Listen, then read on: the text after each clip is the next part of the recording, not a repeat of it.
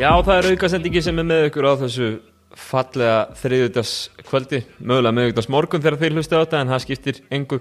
Aukasendingin komið saman til þess að já, fara yfir svona fréttir vikunar, uh, landsliðsgluggana sem að búblunar er að fara á staði. Uh, við dröftum bæði Karla og Kvennalandslið sem og, og ræðum við svona, já ég meina, fortíð og framtíð, begja landsliðan og svona hvaða möguleikar eru fyrir, fyrir liðin Kvennalandslið á leðin til, til Greiklands, til Krítar til að spila. Tvo leiki var tilkynnt uh, valið í gæðir, ekki ennþá búið tilkynna kallaliðið sem að fer til uh, Bratislava í Slovakíu að spila í lok november en aukasendingin, hún er búin að velja í liði. Með okkur í dag eru ja, Bryndis Gunnlaustóttir sem er þekktur gestur hér í, í aukasendingunni. En í fyrsta skipti er með okkur þjálfari í er, ja, kvennaliðs í er í í fyrstu til hvenna Ísak Máni Víum uh, kíkjum á þetta.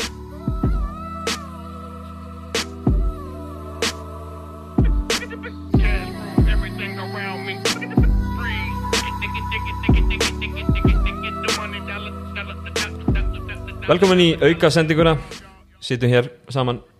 Davíð Eldur Bryndís, velkomin. Takk að fyrir. Og Ísak, blessaður. Takk, Hvað segir þau? ég er hess Ekki hess og kátur? Jú, Já, við hérna kannski svona áður við höldum eitthvað lengra þá ætlum við kannski að koma því að að aukasendingin er í bóði Dominos, minnum hlustendur á að, að nota afsláttukóðan caravan.is þegar pantaði með appinu eða á dominos.is uppdagan er einni í bóði Kristals sem er tannvænasti drikkur norður Evrópu eins og við veitum, hvað hérna Klárlega hvað hva, hva er þú Ísak? Hvað er Kristall ég er mikill Mexican Lime maður. Mexican Lime? Það fer að minnstakosti einn dós á dag sko. Já, Já, hún er líka létt kólsýrt, það er líkil atrið, sko, létt kólsýrt. já, já. Ég er já, ég er og hef verið alla mína hunds og kattatíð eh, í bláum sko. Blár, blár, já, Já, Það svo- bara og svo plain. blár í dós svo vanilla. já, ég er vanlega sko. það, Það er er, það er algjörlega máli en já, við ætlum að, hittast og ætlum aðeins að fara yfir hérna, já, bara svona ástandi eins og það er, þannig að er að koma tvö skemmtileg uh, landslýsverkefni sem er, er bara svona eins og einhver svona guðskjöf á þessum tímum að fá að lesa eitthvað um einhver lið sem er að fara að fá að spila einhver staðar.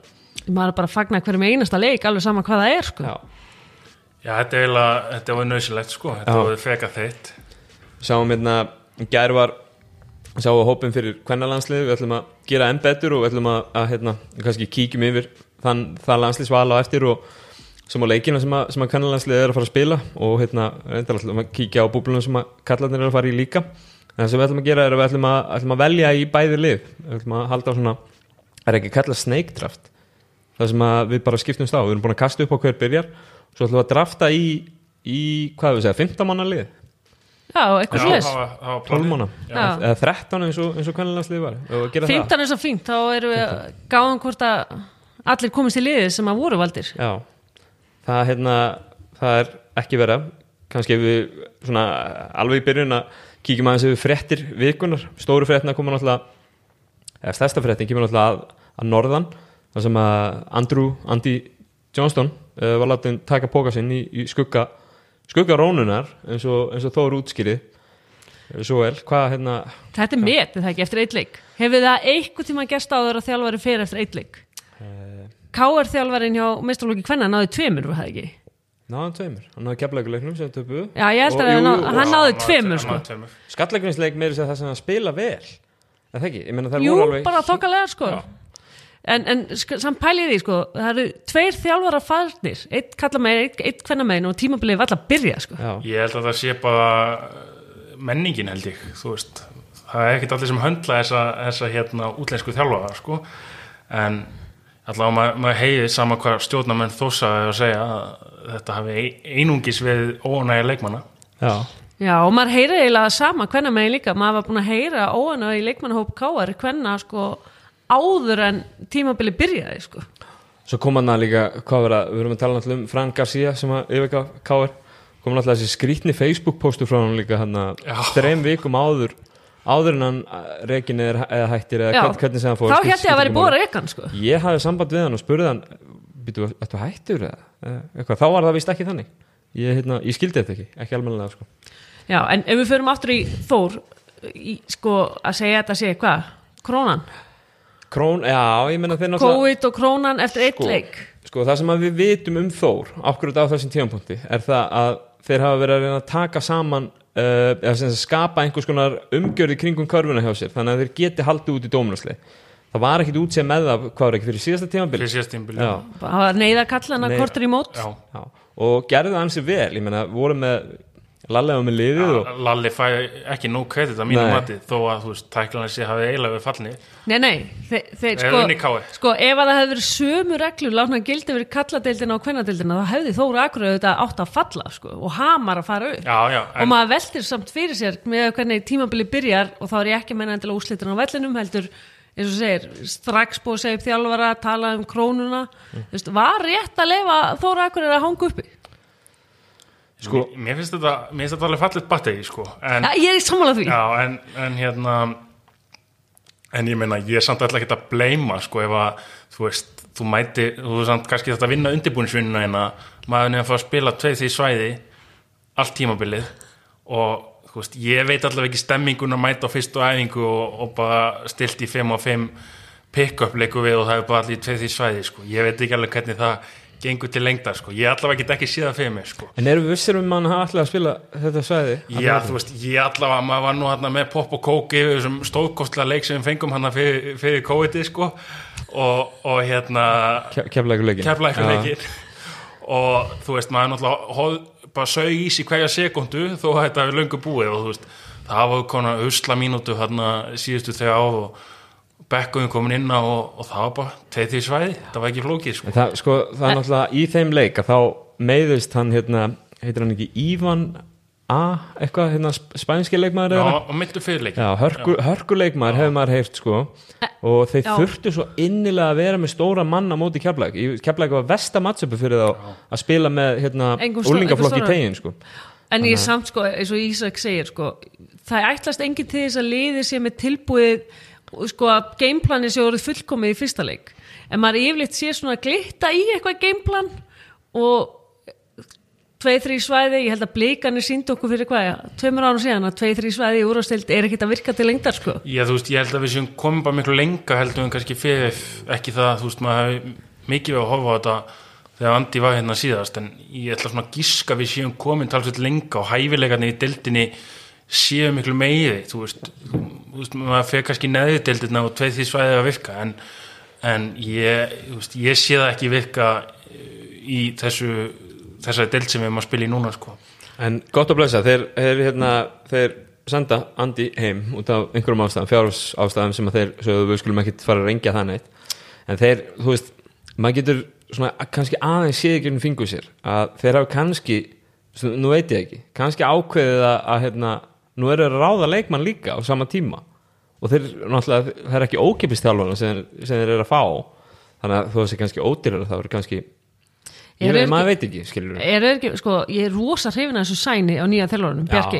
sko. heimamaður og sko, er, er þeir ekki kannski bara vonað að komi ákveðin svona stemning með honum, hann þekkir liðið hann þekkir strákana að, að það komi eitthvað svona berjast fyrir klubbin berjast fyrir akureyri að myndist einhvern veginn svona þannig kultúr til þess að, út af því að sko þetta mjög ekkert vera besta liðið í dildinu þegar við tölum um hæfileika en við vit- vitum það öll í körfu að með mikill í baróttu er hægt að ná nógu mörgum sigrum til þess að halda sig upp í dildinu sko. Svo þetta er líka, sko, það er góða punktur, en líka með liði, sko, sem að, sem að var á leiðin að falla og eins og segir, þú veist, Lalli fær ekki nóg kredit.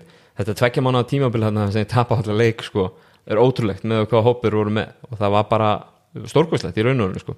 En kannski hefur Þór líka, þú veist, á þinn punkt, Bryndís, kannski hefur það vilja að ná í þjálfara sem að sem að femja liðinu niður og er tilbúið að vera með fyrst til og koma með þeim upp Aftur upp, sko. skilur Já. þá ertu búin að mynda einhvers konar búa til einhvers konar svona menningu með þjálfarunum og félaginu skilur maður sér, svona framtíða það, sko? Já, já, ég held að ég held, þú veist, ég er náttúrulega þú veist, ég held að þetta sé klálega þú veist, ég allavega held að þetta sé rétt, að gefa sko. Mm.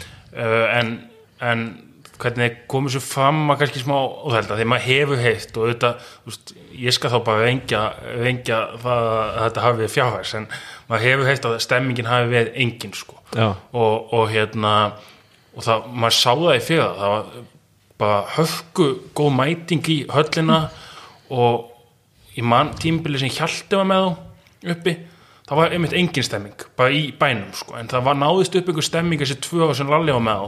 Og ég held að það sé líka svona pælingin sko, fá Bjarka hann inn og maður hefur ekkert annað en þetta sé toppgöð þannig að hérna líka sjátt át á Bjarka fyrir hérna í vitalinu það talaði um að það væri ekkert gott karlalið nema að væri gott kvennalið líka. Þannig að hann ætlar ekki reynilega að hafa mikil áhrif í körfunni og akureyri. Mér finnst þetta, svona eiga allir þjálfarar og körfubaldamenn að tala sko Þannig komur aukin fyrir því að kepla ekki reyna raunverulega stórveldi í Íslandinu körbólta þeir eru besta já, ég ætla bara að segja já hana er það ekki?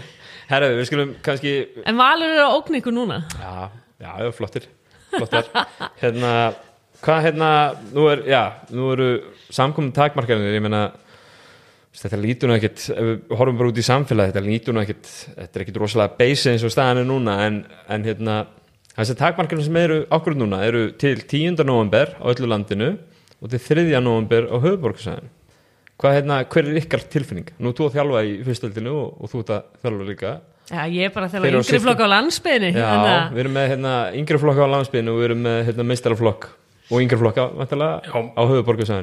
Hvað hérna, hvernig er stemmingi hjá, hjá fólki á okkur þessi stundina? sko Hver er tilfinningin núna? þú veist, þetta er náttúrulega ég held að það sé alveg ákveðin bjartsinni en auðvitað frétti síðustu daga ekkert sérstaka. En svo er, þú veist, allavega ég, maður veit ekki, þú veist, maður hefur alltaf eitthvað gróðsög, en ég allavega við byrjaldunum allavega að fylgja þessum reglum sko, og, og það er megin að segja að, hérna, að skipulegja æfingu og, og hérna í rauninni bara æfingabanki mann svo er svolítið tómu, það má ekki nú senda boltan á milli, sko, þannig að hérna í rauninni held ég að sko gleðin sé ennþá til staða í þessu fyrirkomalagi að því þú veist, það er, það er verið að komast aftur á parkettið þátt fyrir það að sé í þessu formi allavega hérna í höfubókusvæðinu við vorum bara að voru allir að æfa heima hjá sér. Þannig að gleðin er ennþá til staða en þetta verður fljótt þreitt ég tala nú ekki um ef að, ef að þetta verður eitthvað lengt en ég vona það er þá ekki með en vika og, og það vilja allir held ég byrja að spila sem fyrst sko. Þannig að hvort sem að það sem er áhundu eða ekki. Hva, hvernig er stemmingin á landsbyðinu? Er, er það bara boltar og gleði? Sko, ég, ég- myndi segja sko fyrstu dagana voru boltar og gleði sko, en svo auðvitað kemur bara held ég svolítið svipað og á höfuborgarsvæðinu að það er erfitt að halda fókus. Alveg sama, auðvitað er geggjað að það má gefa á milli og spila og vera í kontakt. En að halda fókus vitandi ekki hvenær þú fer á stað vitandi hvenær þú mátt ekki veist, hvenær þú mátt vera að byrja að keppa aftur? Veist, ég skil vel landsbyðarliðin sem eru núna að byrja að keira æfingarleiki, einfallega bara til þess að halda fólki á tánum sko. og við sjáum það alveg bæði kalla á kvennaliðunum að það er verið að spila æfingarleiki hérna landsbyðarliðin sín á milli sko. sem gerir auðvitað stöðuna ennþá erfiðari fyrir höfuborgarsvæðið sko. En er þetta ekki, sko ok, nú erum við að horfa ég var að ræða við Ísak hérna en við fórum að taka upp við erum að sjá hérna, lengjudeldin í fótbolta til þess að fara á stað ég veit að þetta er annað dæmi fótbolt er allt annað dæmi heldur en körubolti þegar kemur að nákvæmlega þessu en sko bara miða við reglur þá er knarspilninsambandi þá bara að segja ef við megum það þá gerum við það. Og við ætlum að láta lið sem eru ut- utan á landi við ætlum að láta þau spila bara. Hvað finnst þú, ég meina, væri þetta option að þú setja eitthvað á stað og Sko, mér, mér finnst það ekki að því mér finnst sko, vist að við höfum komin í þessa pásu þá ég henni, þú veist, auðvitað maður bara byttu að vera að þjálfa í Reykjavík og, og liði í sömu delti að spila hérna núna á morgun og eitthvað. En manni finnst kannski að það mætti býða aðeins þú veist, þó að reglurna segja því það er búið að auka smittin og, og við viljum náttúrulega keira þetta í gang þegar nóf að það sé þá þetta að fá undirbúið sér fyrir keppnisleiki. Og, en ég menna kannski kemur við ekkert, þú veist, vonandi kemur við ekkert að smittum út úr þessu og, og, þetta verður allir læg, en ég held að KKI vilji keiða þetta bara á sama tíma og ég held að, ég held að móta fyrirkomulagi fari í svolítið að þvælu annars, sko, því maður sé alveg, þú veist, það er smitt fullt af smittum upp á skaga til dæmis, þú veist, við tökum yngri flokkana, ég held að verður svolítið erfitt að erfitt að fara einhvern veginn að fæða móta fyrirkomulagi þannig að landsbyðin sé að halda áfram. En ef við, ef við skoðum þetta, það komum nú þrjár fréttið tilkynninga frá, frá KK hérna á sömu mínúndinu fyrir fjórun dögum þar sem við sáum hérna Restart bæklingin sem var hvað marga blasir Ísak það var, einhver, Hann var nokkuð, einhver, einhver já, sko. hann var nokkuð já, yfirgrist mikill og með heimildum og flottur. já, já, já. og svo sáum við líka breytingu, við sáum breytingu á byggardum sem er kannski bara svona eðlilegt að allir, öll dóminúsliðin fara í næstu umferð og neðri delti spila einhvern veginn um hinn fjögur sætin í 16 löguslutum Já, Já, en svo sáum við líka þetta þessa breytingu á keppnisfyrirkomulagi þar sem að það er- eru settir inn nýja leikdar eins og milli jóla og nýja og svo í kringum jólin og eins líka þessi COVID hérna, gæðsalapum, þessir COVID frestaði leikir dagsetningar fyrir liðin þar sem að það sem að KKÍ verðist einhvern veginn bara svona vera að sigla út í það að við sem bara að fara að díla við þetta í vetur á einu eða öðru leveli og það er svona búið til ákveðu svigrum er þetta ekki góð sviti? Jú, sko, en þarna líka velti ég fyrir mér sko, ég, ég er sammála Ísak og þetta átti bara að fresta öllu en á einhvern tímapunkti ef að, sko, ég er mjög hrætt um það að þessar takmarkina á höfbrukarsöðinu verið lengdar um viku í viðbútt og þá geti verið erfitt að byrja með, út að KK í greinlega leggja mikla áherslu á það að liðin á höfbrukarsöðinu fá að æfa í kontakt í ákveðin tíma áðan að þau byrja aftur að keppa. Og þá velti maður fyrir sér, veist, af hverju eiga ekki liðin þá á landsbyðinni að byrja að spila leiki til þess að við eigum hvað ég segja, einhverja leiki í hægin setna meiri vetum, en það gæti gerst að Grindag fari í í hérna sótkví eða allt liðið eða einhverju önnu lið á landsbygðinni og þá er rosalega gott að vera búin að spila einhverja leiki til þess að eiga inni. Vist, þetta er svona vangaveltur, veist, ef þetta fyrir að dragast meira en þá kemur á móti sko, ok, kalla megin munum við alltaf þurfa að spila tvær umferðir. Þú getur ekki stytt það mót en hvenna megin eru fjóru umferðir. Og það er kannski erfitt að stytt um heila umferðir sumlið er búið með, hvað ég segja fjóra leiki á móti einu liði en bara tvo móti einhverju öðru sko, þannig að veist, það er gallin við það að reyna að halda áfram að keira, keira þetta gegn. Og þess að við sjáum það í fótboltanum í sumar. K.R. Kvenna fór þrísvar í sótkví og það er orðið bara að spila þéttar. Já, en þetta er náttúrulega, þú veist Þetta er náttúrulega, það er- svo mikil óvissa sko, við það er nú oft eru sagt sko, þetta er, þetta er svona það næsta sem að, sem að við komumst í að búa bara við eitthvað sko, heimstýraldar hérna, ástand sko, af því að hlutinir gera svo hratt og breyta svo hratt. En ég líka að segja ef þetta, þetta dregst meira. Þá er spurningin hversu lengi á landsbyðin að býða eftir höfbruksvæðinu En hefðu vilja kannski sjá, sjá hérna, hjá móta fyrirkomuleginu bara einmitt farið í einhver svona aðgerir það sem að einhver, einhver lið þurfa bara að setja sig við það að, hérna, að spila, ég meina, frestaði leikir og hvort að þeir eru bara slegnir af hvort að mótin eru þau stitt að leiti eða, eða gefa eitthvað svigrum fyrir stittingar út af frestunum skilur, hefðu vilja sjá það fara lengra í þessa Ég hefna þessar lust sko. Já. það er þannig sko, ég er náttúrulega svolítið búin að pæla í fyrstild kvenna og svo pældi ég hans í Dominos kalla sko.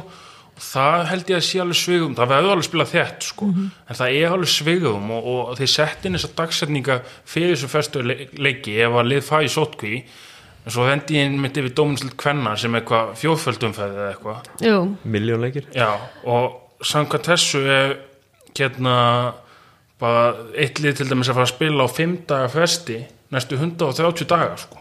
En, en sko, svo má ekki gleyma svo það, það gerir svo rosalega oft að fólk agnóðast út í það að það eru fjórföld umferð hvenna megin.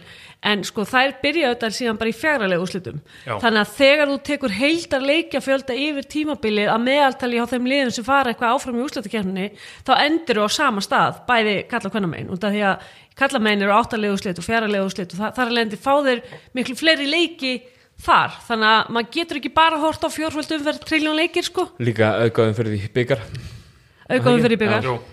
Reyndar ekki núna fyrir dómnúsliðinu það ekki, en nú byrja bæði í 16 liða. Já, en, svona, En venjulega er já, það eins, og, þannig. eins og sett upp uppkala fyrir þetta tíma Já, uh, og kannski setjum punktinn fyrir aftan þetta hérna. Uh,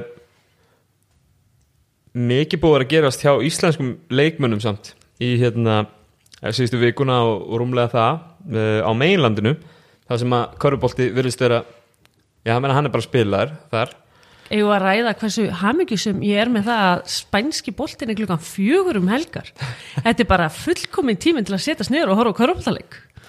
það er rétt Þetta er bara hérna þetta er geggjað í önni bara hvað hva stöðtu spottið að bjóða ykkur upp á sko. Þetta er veistla, sko. Já, og hérna, þú veist og tölurna sem þessi menni að setja bæði hérna Hauku, Helgi, Tryggvi og, og Martin í spænsku og, og svo eins og Elva og Elva í litáinsku deildinni og, og Jón Axel í þýsku sko. þetta er, og að deildin sé ekki byggðu Jón Axel hann er bara búin að spila í einhver byggarkefni það já, ekki uh, jú, byggar, jú, byggar einhver föðurlegu byggarkefni En það, já, byggarkeppni hjá þeim þeir spiluðu þrjáleiki í riðli og efsta liði sem að þeir náða að vera með að vinna setjum tvoleikinu sína efsta liði í þeim riðli fer og spilar undanúslit í byggarnum þetta, þetta er svona riðill og svo er, svo er actual Er það alltaf svona eða er þetta einhver COVID-breyting? Nú ertu bara að spyrja mig að hlutu sem ég er ekki, ekki alveg með 100% Þeir Ég- byrja, deildin þeirra byrjar út í Þýskalandi byrjar, þeir byrja held ég 8. november á 7. 8. 7. 8. og þeir byrja á móti Júrulík liði deildarana sem er Alba Berlín fyrir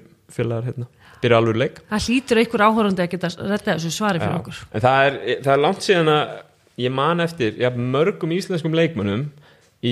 jafn, stórum hlutverkum í jafn, sterkum deildum. Sko LKL-deildin í Litáin er sterk uh, ACB-deildin er líklega sterkasta landsdeildin fyrir utan Utan NBA-deildina og svo er hérna Bundesliga náttúrulega bara svona frekar sterk deild líka sko. Já, hérna, ég hef mitt, mitt var, maður var að skoða þetta og, og maður er nú búin að horfa á einhverja leiki en maður kannski gefur sér ekki alveg gein fyrir þessu. Ég var að skoða hérna tölfæðina hjá þeim og Hauku Helgi og Tryggvi ef bara í kringum 3050 stigahæstu í allir deildinni. Já, Martin aðeins læfi en náttúrulega stekkara liði og svona á pappi allavega. Uh, og mennirni hann í kringum á, á þessum listum veist, til dæmis Alexa Bines og, og hérna Facundo Campazzo sem menn þekkja veist, og ef auðvitað í Barcelona og Real Madrid. En þetta er svona svipað töluf Já, í sömu deild sem er bara veist, til að setja þetta í eitthvað samhengi sko. náttúrulega með hérna, með marga virkilega flotta leikmenn þú veist, tala um bara þú veist, var að sjá hérna tryggva og sérstaklega í sem fyrir hálfleik fyrir hálfleikur Saragossa á móti Valencia sem hann að spila á móti sko Bojan Dublivits sem er ég með svona bara svona net legend þarna sko og hann er einhvern veginn með 100% skotendingu já. tekka okkur átta frákost og þetta er á tíu mínútum skilur Já, ég held að, að Tryggvi sé þriði fákastæðist í deildinni Já, sko. en hann skól, ég skal, við skulum alveg bara gefa þeim það, hérna, Dublivits var rosalegur á loka myndunum í þessum leika móti, móti, hérna, móti Tryggva og hérna, en það er samt sko, þú veist, já, Tryggvi er, hann er bara ofalega í öllum, Já, mörgum og svo skoða maður þetta, ég meina Real Madrid er með stóðanstokk sem heitir Eddie Tavares mm. sem var draftað snemma í held ég annað umferð fyrir nokkuð mörgum árum sko. Spilaði með spilaði einhverja öst mínútu með Atlanta Hawks og Cleveland Cavaliers er Real eins og ég segi og, og, og tekur með talsett betri tölu en þessi maður sko. Veist, þannig að þetta er eiginlega fekar magnað sko. Það sem ég veist líka svo magna við er það að núna þegar COVID skallina og það var verið að finna út hvernig að starta tímabilinu þá heyrði maður svona rattir að tala þessi landsleikja gullugi, væri bara djók, við erum bara eitthvað áhugamanna landslið en sko munið eftir þegar við fórum fyrst á EM og við vorum að tala um þetta að veri langt í að við fengjum svona gott landslið aftur. Ég held að við séum með fleiri leikmenn að spila á herra leveli núna í landsliðinu og ef það er eitthvað tíman tími sem við eigum ekki að, að, hlúa vel að þessu landsliði þá er það núna sko. klálega og ég meina ég held að þegar við fórum á EM fyrst ég meina þá var kannski 2015 í Berlín Já, ég meina þá var kannski vorum við að horfa svipa á sænsku úrvalstildin og við höfum að horfa á spænsku deildina núna sko. Akkurat. Þú veist, þannig að Þannig að tala um það að þetta sé eitthvað áhuga manna landslið og, og, og það sé að tröfla dómnústildina hér heima sko. þú veist, það er, mér finnst það að vera mjög mikil svona skamsýni vegna þess að þessi strákar eiga skilir að við stillum upp okkar sterkasta liði ef við getum og, og reynum að koma okkur aftur á EM sko. það er náttúrulega, það sem að kemur inn í þetta náttúrulega er, þú veist, það sem að það er svona, sko með hinu liðinu var ákveðin liðsheld, þetta voru flest hérna 82 og 81 hérna árgang, árgangurinn sem voru, þú veist, Logi Hlinur eh, Jón Arnur og hérna Jakob. Jakob og, og já, fleiri það var svona ákveðin Já. bæði liðsett og svona kúltúr allt Já. fyrir landið, allt fyrir þjóðina sko.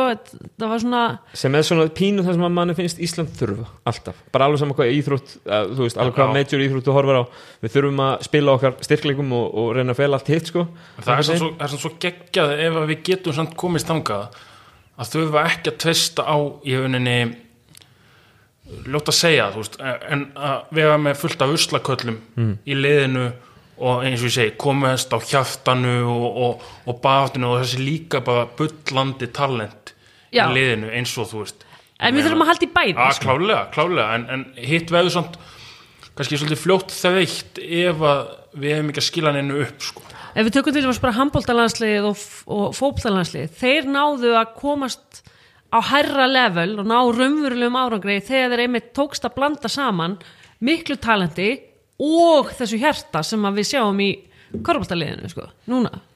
Þannig að vonandi, vonandi tekst þeim að vera með hjarta núna þegar við erum komið svona mikið að talent sko. það sem að við ræðum kannski betur á eftir þetta kallalansliði uh, er að, þú veist, það er nú alveg sagt um Ísland sko, að við hérna bara vegna sem við erum svo fá þá eigum við svolítið erfitt með að búa til stærri leikmenn, af því þeir bara eru þeir koma færri.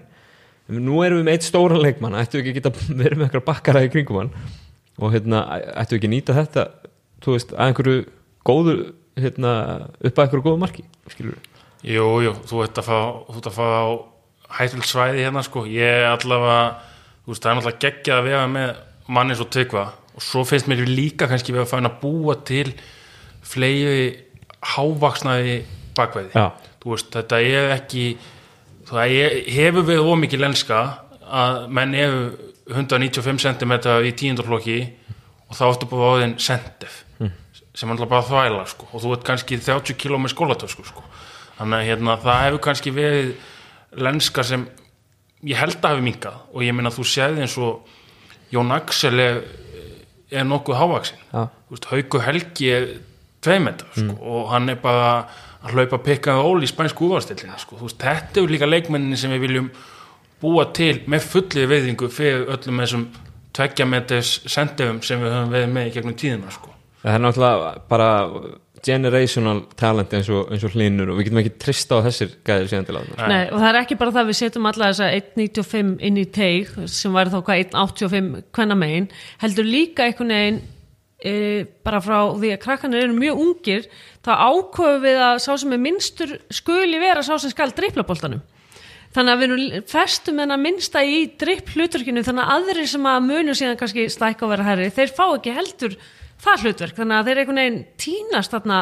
Við fáum ekki þess að háusnum pungarda eins og til dæmis Pavel.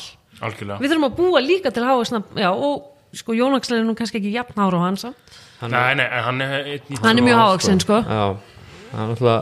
skáði 1.96 eitthvað slags hvað var pappans stór?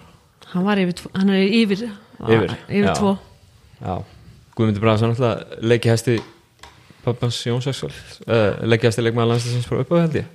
En þá, en leikstjórnanda hæfileikarnir koma klárlega frá mammans já, mennar já, hún spilaði ekki glemma henni hún var leiki alhanslegi kvenna og var öflur hérna leikstjórnandi í kvennalegi grindaðegur þegar ég var að taka mín fyrstu sköfi í meistarflokki uh, Já, svo við hérna kannski, já, bara liðan að gera flotta hluti það er náttúrulega hægt að ná þau sem ACB gæðum á, á stöðtöð sport svo hérna sem að þið getið þeir sem hefa mikið áhuga geta borga 10, 10 dólar eða eurur annarkvort á mánuði og sé alla leikina í LKL deildinni í hérna Það er enda hátíð. búið að vera Á- svolítið á af- hérna, á- affóð í síðustu leikjum hjá Elvaði Já, já, hann, hann, er að skila tölum hann er að skila bara geggjum tölum, ég held að hann sé 50 stigast í deildinni sem er náttúrulega bara stöðlað sko. hann, hann er þriði framlagsæsti sko eða eitthvað, annar eða þriði að, hérna, já, það er á fansít punktur eitthvað.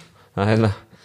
En uh, kannski kíkjum enn frekar á landsliðin Bryndís, ég ætlum að byrja á sem sagt, við ætlum að byrja á, á landsliðsverkefni Kvenna, það sem að liðið var uh, liðið var valið í gær eða tilkynnt, tilkynnt hópurum var tilkynntur í gær, það er á leiðinni hvert? Það er að fara til Gríklands, fara utan uh, 7. november og munu fara í þess að búblu, eh, eins og flesti korfballamenn vita, eru bæðið í landsleina að fara út í svona NBA-stæl búblu, þannig að þau fara út svolítið tímalega, taka okkar æfinga þar, spila svo tvo leiki veist, og svo aftur baka. Er þetta Disneyland í Greiklandi? Það er góð spurning. Verið Er Disneyland í Gríklandi? Er það ekki bara í. Fraklandi?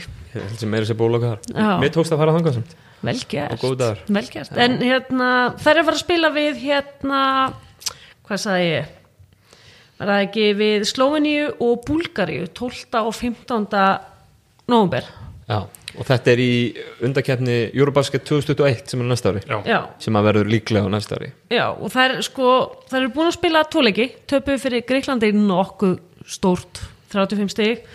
Uh, og töpuð fyrir Búlgaríu með 15 stigum, þar sem ég hefði eiginlega viljað sjá þær gera betur. Mér finnst það vera lið sem að við hérna eigum að geta strýtt meira. En hvernaliði ólíkt kallaliðinu eru þetta bara mjög látt rankað í heiminum. Og öll liðin í reyliðinum eru herra á styrkleikalistanum heldur en þær þannig að í raun og veru ef við fyrir bara eftir styrkleikalistanum þá er ekki býstengin við neinu en við hér heima vitum hvað þessar stelpur geta.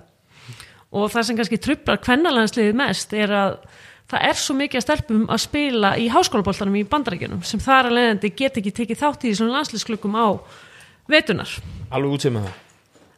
Ég, ég held allavega sérstaklega núna þegar COVID er í gangi þá er enginn að fara að flakka held að sé alveg pottitt og ég menna það er allavega fjóða þarna Telma Dís Birna, Já, Þóðana og Sigurún já, þessar fjórar eru, voru orðnar sem var að spila svolítið stórt hlutverk í Já, þú veist, þetta er upp á landsleikmenn Já, en svo má ekki gleyma því heldur að Elín Sóley var að byrja að spila alhansleisleiki þegar hún fór út, Já.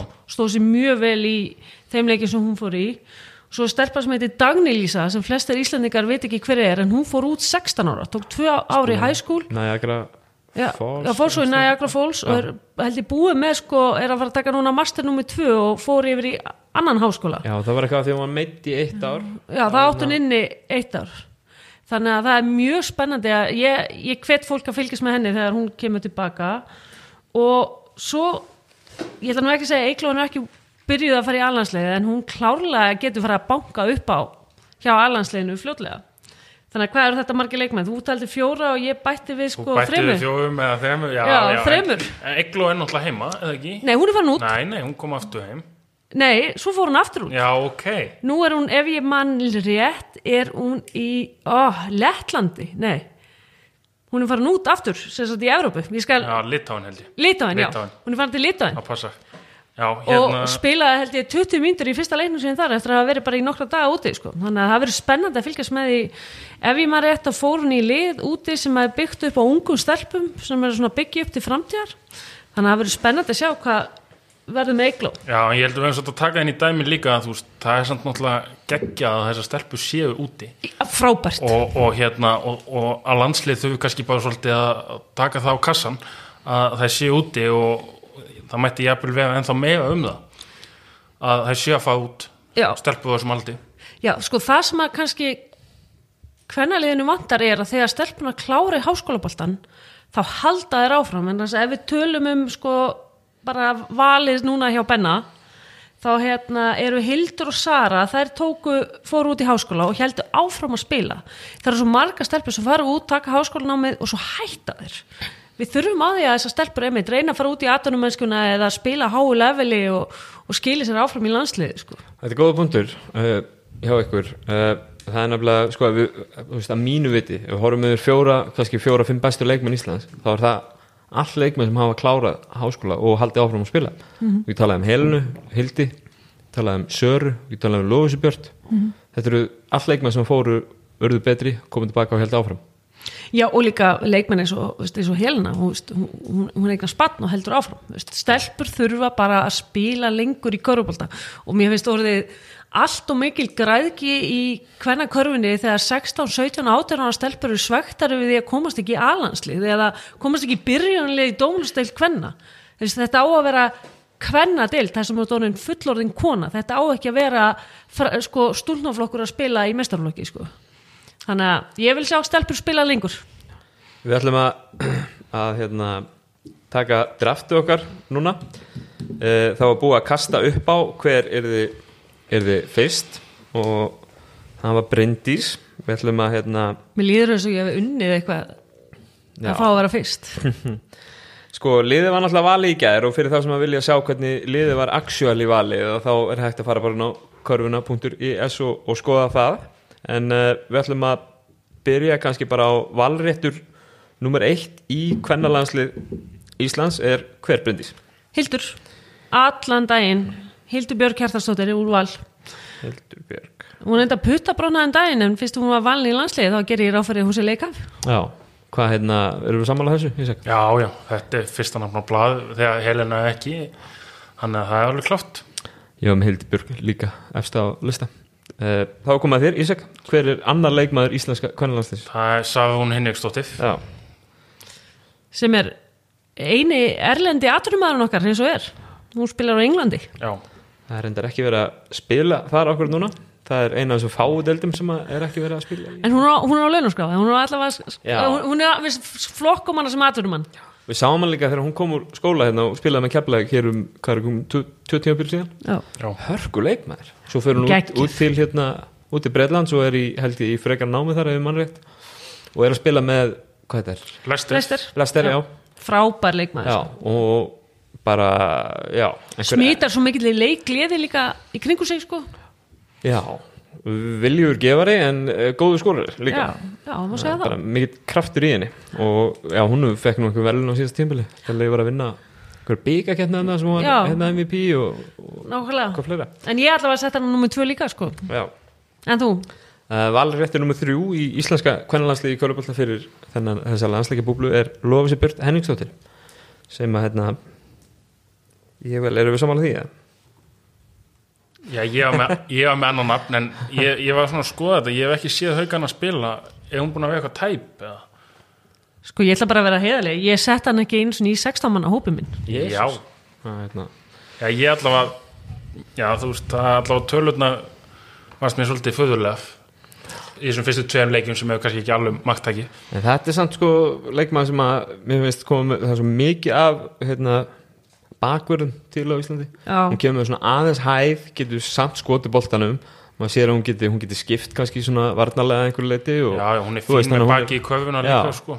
þannig að þetta er já, þetta valið mitt var svona það var svona byggt á þessu þú getur sett hann inn í, inn í ansi mörg, mörg sett upp af liðum sko. Ég er nefnilega bara valda hann ekki í liðið, en þess að sko, hún hefur allt þetta sem þið segið, en mér fannst hún ekki skila því á síðasta tímbili og hún er ekki búin að skila því þessum fáuleikjum núna og þá fannst mér bara vilji frekar frá hálgeran göslara eða ruslakalla eða eitthvað sem kemur með orkuna inn heldur en sko við höfum ekki tíma hvað ég segi, þú ert komin á þennan aldur, hún er búin með háskólaboltan þá er ekki lengur tími fyrir því til þess að vaksa upp í hlutverk, það átti að vera búin að vaksa upp í ákveði hlutverk sko. Uh, en hún er nú samt hún var nú samt tekin með þriðja valrétti af er komin en það er svo gaman þegar við erum ekki saman já, já. Uh, fjóriði valréttur Bryndís, hver fer með fjóriða valrétt inn í kvennalansli Herðu, það var sem sagt, fjórði valrættur hjá mér er þá svo sem að var í númið þrjú hjá mér, það er Þóra. Það verður einhverja dripplu sem bolta upp. Já, og með þú hjá mér líka þannig að að við allavega sammála. Já, það verður einhverja að koma boltanum upp. Já, já, já, hún var á svipumst það var aðeins einu á tveimur setjum neðar hjá mér sko. Já, sko, í mínum huga bara hún er eini íslenski pointgardin sem er komin á þann stað að geta spilað í verið starting point í þessu landsliði og hérna ég, verðum að taka fram að þegar íslenska landsliði fer og spilar kvennalandsliði þá eru þeir að mæta ofta alveg rosalega sterkum bakverðum hérna, og, og, og þetta er mjög fyndið sko, nú, nú er Íslandi alltaf verið að tala um svona bakverðalið þegar við tölum um kallaboltan hvernamegin höfum við ekki náða að búa til jafn sterka bakverði og, og kallamegin en Þóra þarf að passa boltan örlítið betur og þá verður hún geggjú sko. en hún er nummið þrjú hjá mér uh, fjórði valréttur aukasendingarinnar uh, Þóra Kristín Jónsdóttur úr haugum uh, þá var komið að fymta valrétt. Ísak, hver er að koma inn í liði? að ég tek ekki að segja bestu skittuna allavega, allavega hún er allavega upp þeir sko, Hallveig Jónsdóttir. Já. Það er hún er fjórða hjá mér líka. Já, já, já við, Við vorum búin að samræma listanum Nei, að þetta halda? nei, nei, nei, nei. fyrir miklu nær fyrir öru Já, menn, uh, ellasta ég hvernig hún dætt svona niður hjá mér sko. En hún er í liðinu mínu sko en, Já, já. en, Já, já, hún er í liðinu allavega. Uh, þá erum við komið með í fyrsta uh, fyrst, fyrsti valvöldu var Hildubjörg önnur Sara Rún, Lóðsa Björg þriði, Þóra Kristín fjórðu og Hallveig fymti, þetta er ágætt spyrjunlega Já, ef við spáðið því þannig sko. já, nokkuð dreif, góð dreif Við erum með poingar, við erum með senderinn og, hæð Já, við erum með já. Þetta er góð dreifing hjá okkur sko. mér finnst þetta að vera ganga svolítið, svolítið vel sko. Já, við ringjum bara í Benna, við erum búin að stilla upp byrjunarlega fyrir hann sko. sendum þetta á hann uh, sjötti valvöldur, það er, er ég og það er þá leikmæður sem ég var með í með í fjóraðarsæti það er uh, Sigrún Sjöfn Ámundadóttir sem að ég ákveða að taka inn í sjötta valrætt aukasendingarinnar hún er sjötti maður í þessu liði. Mikil reynsla og hérna, þó hún kannski töluðan hafa ekki, ekki sínt sig síðustu kannski Leikjahæsti, hún, hún var valin að Benna líka. Hún Já. er leikjahæsti leikmaðurinn í liðinu núna. Ég að það sem mikilvægt að hafa Sigrún Sjöfn í þessu liði og ég tala ekki um ef hún er henni á góðum degi þá er hún til alls líkleg. Og hérna, þess vegna vel ég hana með þessum Já, það er bara svo mikil reynsla þarna, sko, við spilum að engar leik við hana fyrir tímabilið, hún er svona já, hún er einhvern veginn á aðeins öðu, öðu plani en allavega aða, sko.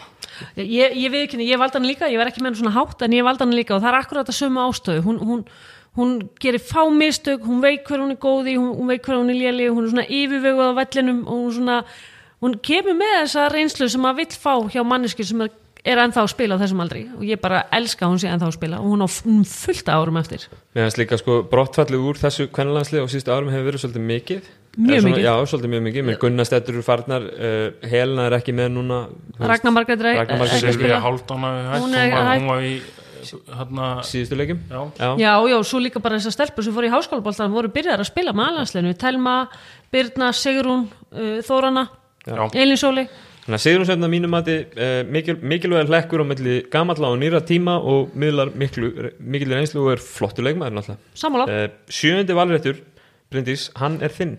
Já, ég, manneska sem ég sett inn hérna, hún er á fimmta set á mínu lista, það er hérna eiginlega, ég myndi segja að þetta var leikmaður sem ég sett inn í staðin fyrir Lófisu og það er hún Isabella í Breiðablik.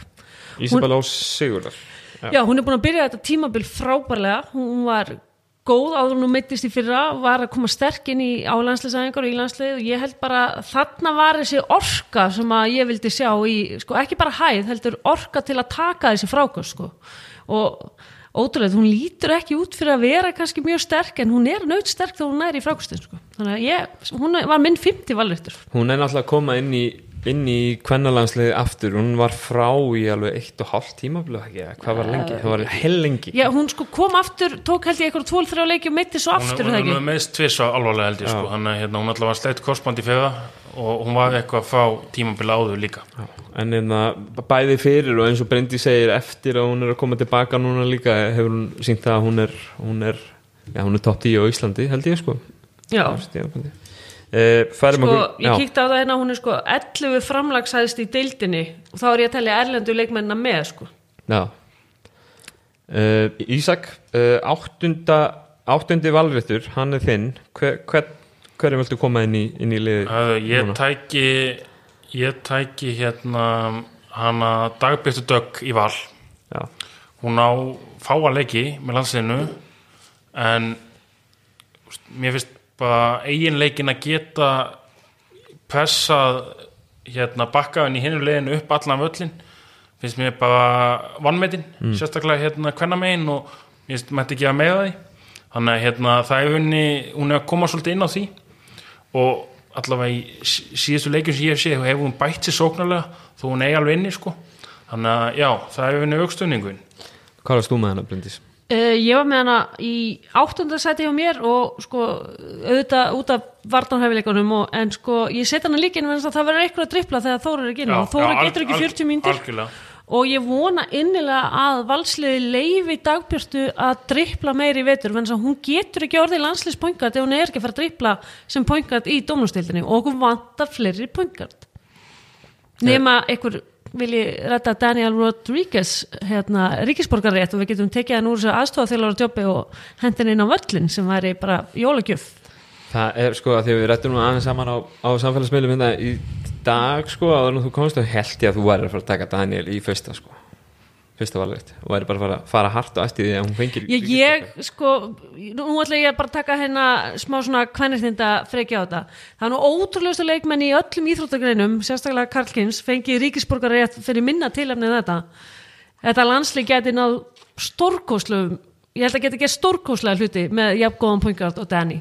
Dani og, og hérna og Helena og hérna Hildur og Já, líka með allar þessar skittur með sér Já. og hún getur dissað út liði myndi liftast upp um bara mörg level að hafa svona leikstjórnanda sko. Við höfum náttúrulega séð það, við sáum þetta sko, sáum þetta sko í gamla daga gamla já í gamla daga þá sáum við Brenton Birmingham verða íslenskan og spila með aðsliðin við sáum Damon Johnson Justin Sjás verða íslenskan, við sáum Justin Sjás líka sko og hérna Og og, núna, bara, núna bara fyrir tveimur eða þreimur árum þá var, var það Colin Pryor og Daniel Thomas sem hafa verið íslenski Akkurat, og fengið að spila. Ég vil veika bara aðtekla á því að það eru kostningaframundan, það eru mikið að þingmönnum sem styðja alls konar köruboltalið og ég vil bara skora á alla í köruboltarheifinguna að íta á sitt fólk og með samtakamætti fáið eh, Dani sem án og alveg stil, skilja á íslenska ríksborgarætt, hún að vera hana lengi að halda treygu við köruboltan í Íslandi, þjálfar, eh, spilar, býr hérna, þannig að eh, jólagjöfin í ár.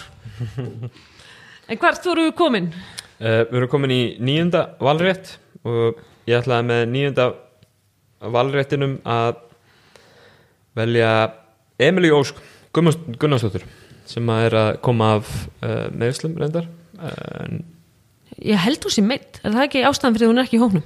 Sko, ég heyrði annað Ok. Já, ég heyrði Ég hafði ekki með hann einmitt út af því Ég held að mynda Emilia og Ásta Júlia væri meittar, en ef Emilia er ekki meitt þá myndi ég alltaf hafa hann í hóknum. Já, uh, kemur inn með ákveð svona fætt inn í, hérna, inn í hópin Hleypur völlin svo vel með langar hendur. Vil, Mjög viljur varnamaður mm með gott auga fyrir hérna, stólnum boltum og, og góðum hraðaplöpum hatar, hatar þau ekki sko Nei, þannig að hérna, það væri gott að fá hana inn á bekknum í þessu liði til að aðeins að keira upp, keira upp hraðan og hérna, búa til einhver var gott. Já. Uh, tíunda setið það er þá Bryndís hvernig er þú með í tíunda? Herru, ég er með Bríett, sýstir hann Söru. Já, Ég vil fá skittu. Við þurfum fleiri skittur heldur en bara hatti og ef þú ætlar að standa vel í landsleik þá verður að vera fólk sem að setja þryggstæða skotið niður. Og ef hún, hún sjóð heitnar sko hún sjóð heitnar. En það, það getur bara verið make or break í einhverjum af þessum leikjum ef, að- er heitt. Já, með liðinu skilur, eða þú veist Já, og líka hún er geta hún er hún er ekkert alltaf án, ég er ekki að segja það. Nei, nei. en ef hún hittnar þá er það ansi Já, þá er það bara, sko. getur hún hittu hverju sem er. Og, og sko, hún get, þegar hún einbyttir sér á vörninni, getur hún nefnilega verið geggjaður vardamæður, sko, sérstaklega á boltan, sko, þannig að ég, ég set bríðið hana. Uh, Ísak, þú ert með valveitt nummer 11 Þetta er kannski að fara yfir það sem er komið í fyrsta seti, fyrsti valveitt var Hildubjörg uh, annar var Sara Rún þriðja Lóisa Björn, fjórða Þóra Kristín fymta Hallveig sjötta var Sigrun Sjöfn ámunda, uh, sjöunda Ísabella Ósk, áttunda Dagbjörn Dögg níunda Emilia Ósk og í tíunda var Bríett Sif, núna síðast ég brendi sí uh, 11. valveittur, Ísak, hver er það? Ég ætla aðeins að hérna kannski koma með smá sleggju eða þannig. Ég, ég myndi taka Þóttis í Jónu beðaflik Já, uh, ástæðan fyrir því að hún endaði síðast tímbil fábælega Mm. og, og byrja þetta tímbil með einhver 19 stíði leik. Enda bara í tveimur leikum held ég alveg pottet og, og hérna og ég meina ef þú ert að skoða 19 stíð og þú liðið að vinna val sem það vissulega gefðu uh, hérna á vellinum allavega að Það tala um að það spiluðu með ólulegan leikmann og fengu já, dendan já. og sigur já, en, en unnu, þú veist, þannig sé og hérna fín skitta viðist vega, ég er ekki alveg inn í því en hérna, en ég myndi taka hún er líka ekkert sérstaklega gömul hefur ekki fengið séns og, og svona kannski leit blúmi viðist vega, þannig að ég held að það væri svolítið svona skemmtilegt Ég sett hana sem 13. Benni valdi 13 það- og hún var 13. maður hjá mér. Mér, mér fannst hún einmitt eiga skilja að fá að banka hann upp á, sko.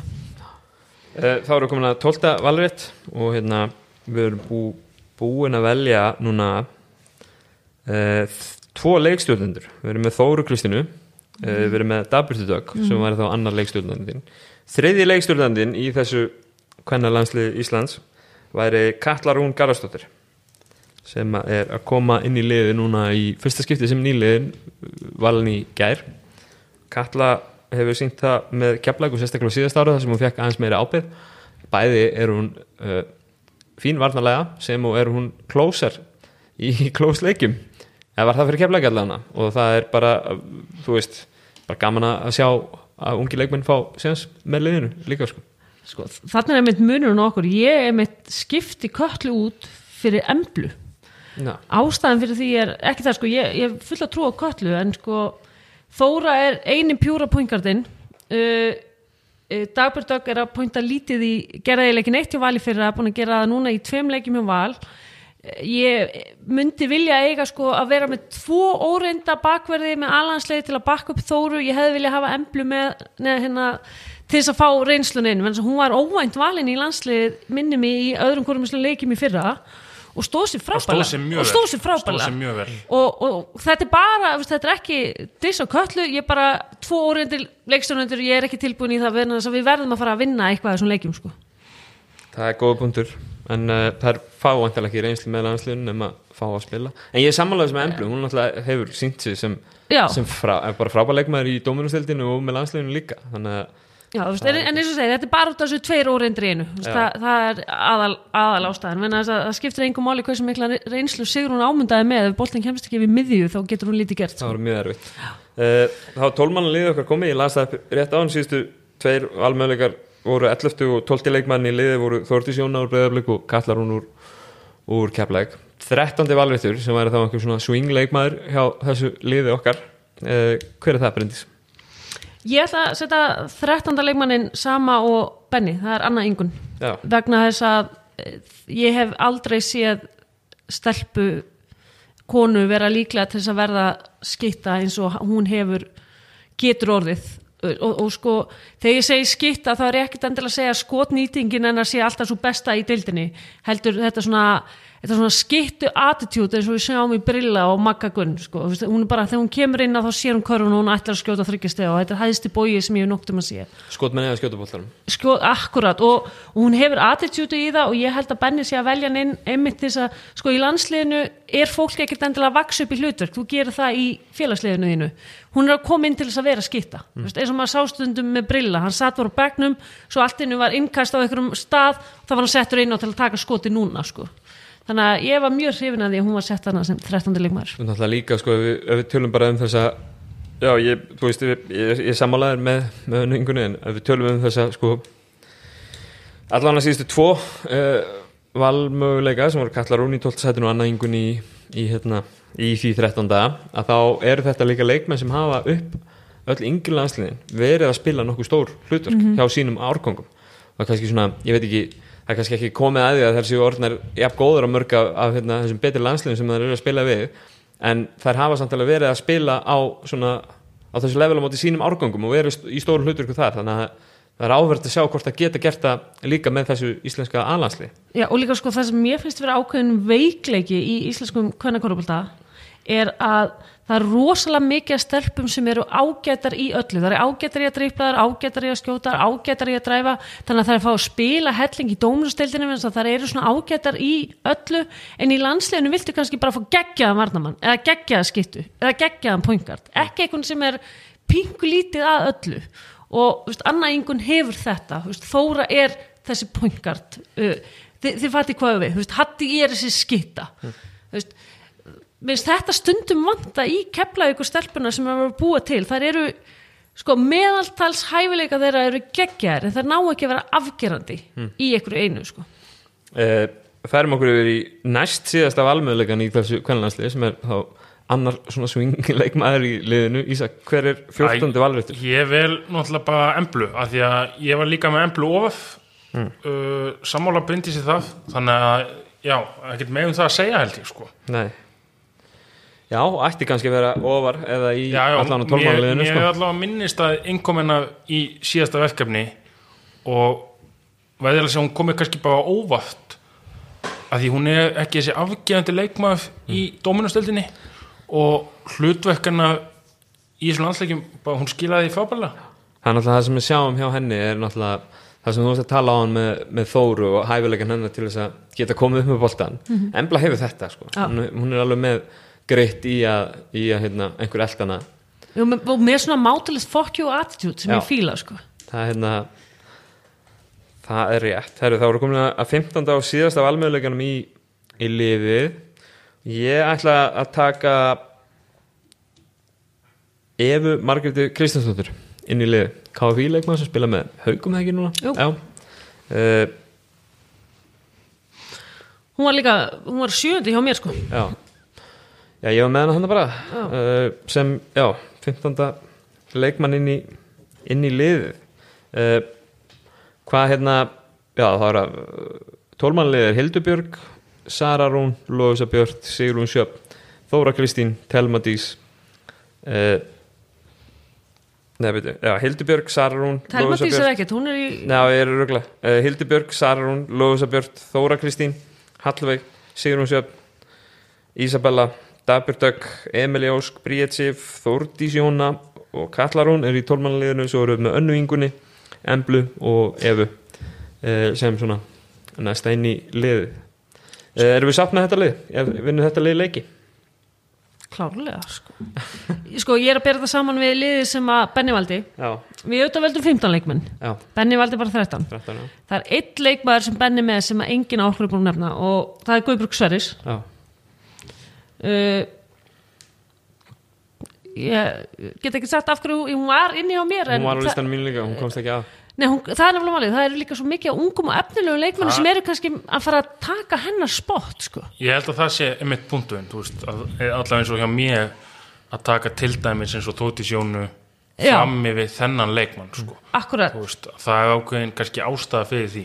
menn þess að sko Guðbjörg kemur kannski ekki með þessa reynslu sem við vildum fá í Sigrun Söp og Emblu þannig að maður er kannski tilbúin að fórna henni veist, og Hatti er geggjur skitta Guðbjörg er þessi leikmaður sem er svona einmitt, overall mjög góð sko. Ég held líka sko að Guðbjörg hafi verðum að tala um tala um nákvæmlega þe- þetta val núna fyrir tveimur árum þegar Valur var allt öðru í sér lið hún hefur svolítið svona, þú veist að tala um þegar svona súperliður sett saman eins og Valur er klálega í þessari dominóstild kanna að þá svona minkar hlutur ekki kannski hjá einhverju leikmennu Guðbjörg er einn af þessi leikmennu þar sem að sko tölfræðin hefur farið kannski niður þó, þó hún sé ennþá jafngóðu leikmaður Já, en það líka spilar inn í, hún er búin að vera að glíma við meðsli held ég Já. bara reglulega síðustu tvö ár. Ég, sko, sagan segir að hún sé að verða meðsla laus, þannig ég hlakka til að fylgjast með henni í vetur, sko.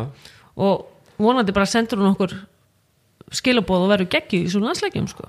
En mér langar að koma eitt nafn sem hefur ekki verið nefnt, Já. sem að ég setti sem svona minn 15. leikmann. Mm.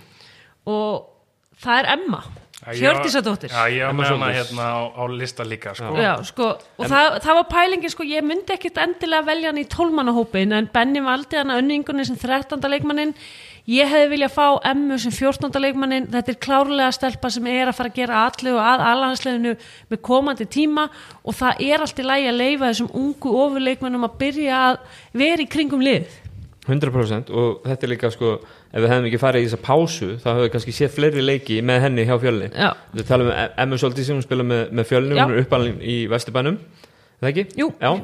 Uh, búin að fara rosalega vel á stað með nýliðum fjölnis eins og liði hefur þetta farið mjög vel á stað Já. þannig að kannski fleiri leikir hef, þá hefur hún verið þarna, maður veit það ekki þú þú sér það sko, hún er með e, 14 stig já, sem er hátt sko í, já, já, í þeim leikjum. Já. Að meðaltali. 17. framlagshæðsti leikmannin og, og sko, og við, við skulum hafa samt að hreinu sko, fjölnin spilaði þrjáleiki þannig að þetta er ekki bara einhver eitt flúk er- leikur hefni hjá henni sko. Hún er fætt 2004 eða ekki.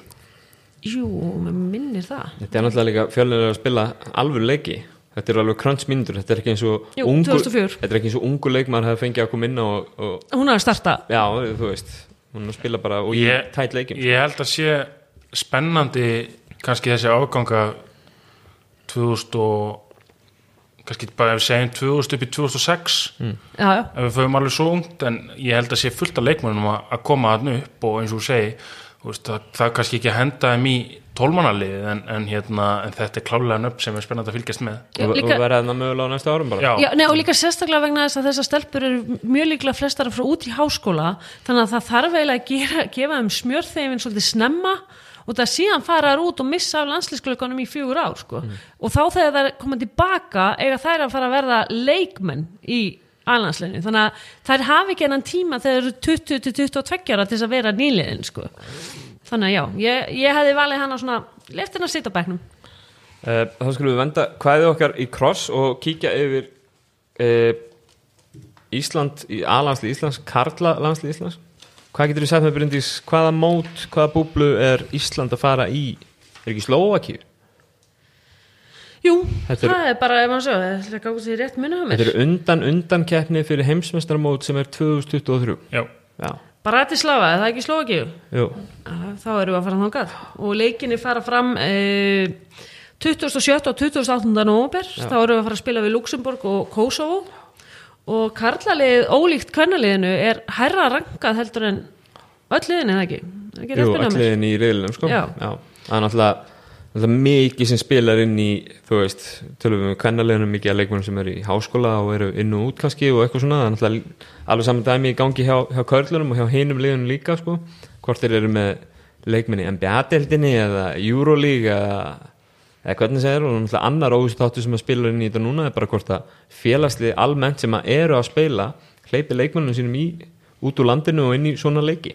Það er önnur pæling en uh, já, Ísland er, er hérna er herra rankað í þú veist, að Evropu og heimslistanum heldur en þessi lið sem er að spila móti en tók samt sem áður að tapa tvei leiki búnir töpuðu fyrir Kosovo og unnu svo var ekki Slovakja Jú, Slóvakíu. með hérna, nýju stöðum já, og hérna töpu óvænt fyrir Kosovo. En það var einmitt svona dæmi um það að við vorum ekki endilega að ná að stilla upp okkar sterkasta liði sko. langt í fá ég, ég held að Martin var ekki með held ég. Nei, og hvort það vantaði Hauk Helga líka hvort hann hafi mittuf en það var allavega, það vantaði, vantaði slatta í liði og samt áttu að vinna sko. Já, ég já. man eftir leiknum, við töpum við tömum við áttum samt að klára þetta í endan sko. Já, maður er einhvern veginn, við vorum alltaf að tala um hvað hva, hérna, þessi kjarni landslýsins er að gera á meilandinu þessu stundina. Mann finnst að þú veist, alveg næstu í sama hvað liðið er valið og fer að þeir eiga að vinna leikina.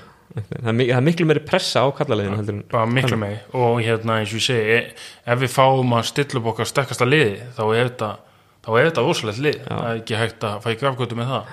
Ekki búið að gefa út núna uh, hvaða hópur eða hvaða lið uh, það verður sem að, sem að fyrir í þessa leiki í lók nóvumber en við fáum það nú vantilega bara svona einhvern tíðan á já.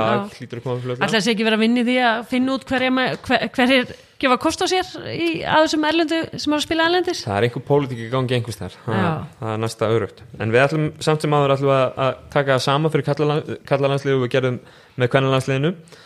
Og ótrúlegt en satt að þá var það Bryndís sem að vann hlutkesti þar líka ég er bara on a roll hérna. Já, eins og ég sagði við þá er ég mjög óhæppin í spilum.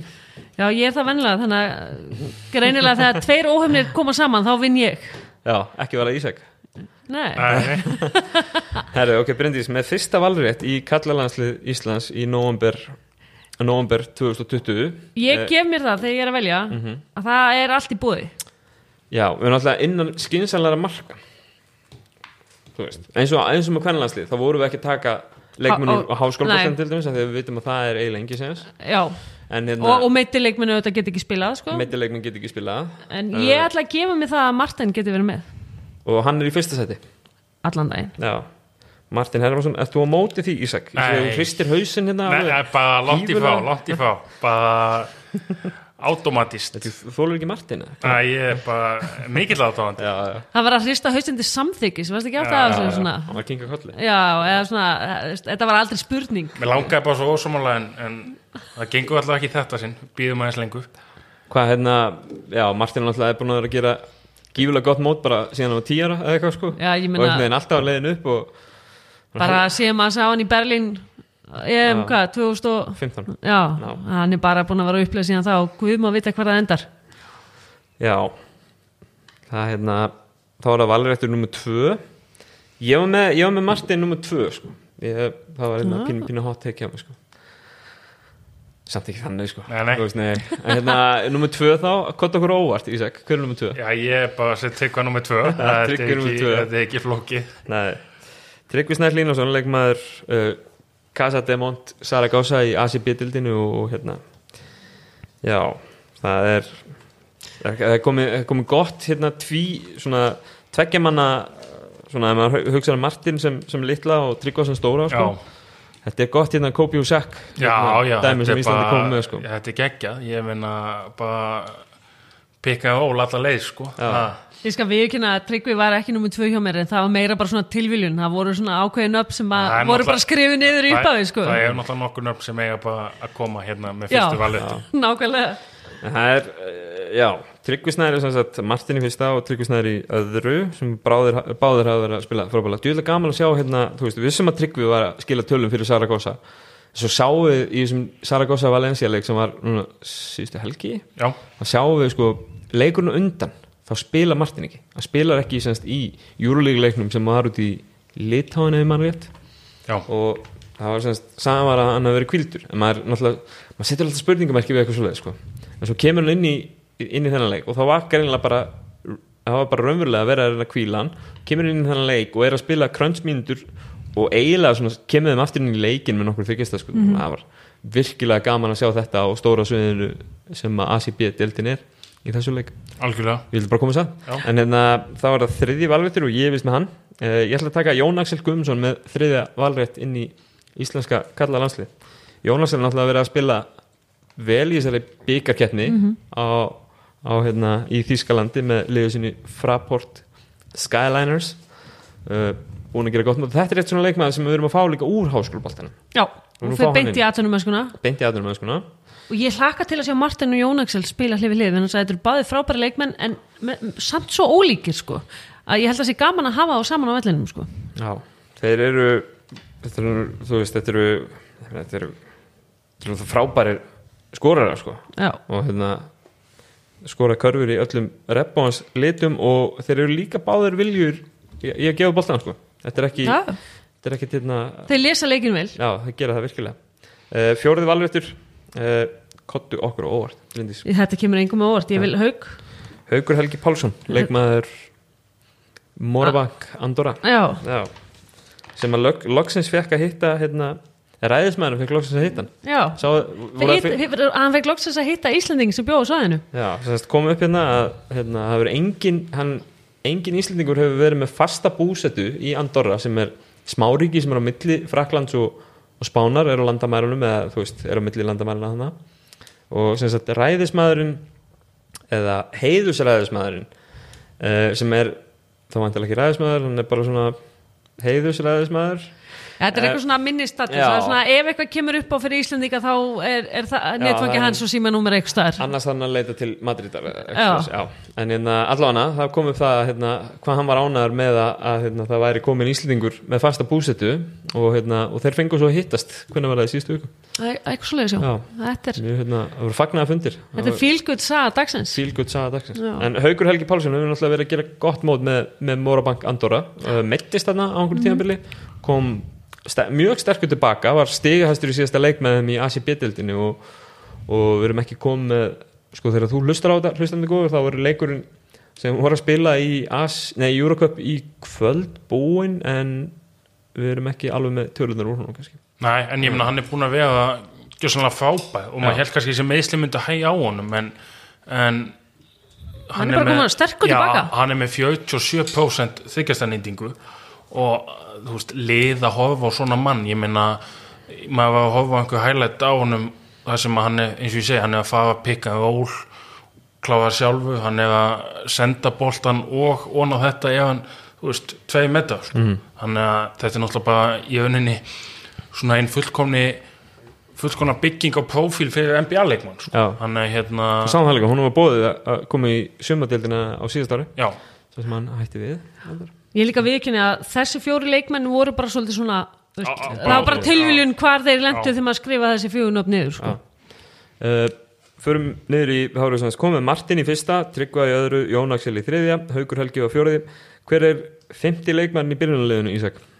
Hefðu, það er, við setjum elva þarna, þá Já. með kannski deilum hvernig byggunulegið er sett upp en við setjum elva sem fymta Já, bara fábæ honum í litáin þótt við að liðinu gangi ekki sérstaklega þá er þetta uh, bara stekkt deild og hann er að skila bara mögnum tölum. Að því mann fannst kannski mann fannst það kannski við að koma inn svolítið á síðasta sens í öninni maður var ekkert allt of hrifin af framistuð hans með Njarðvík. Mm.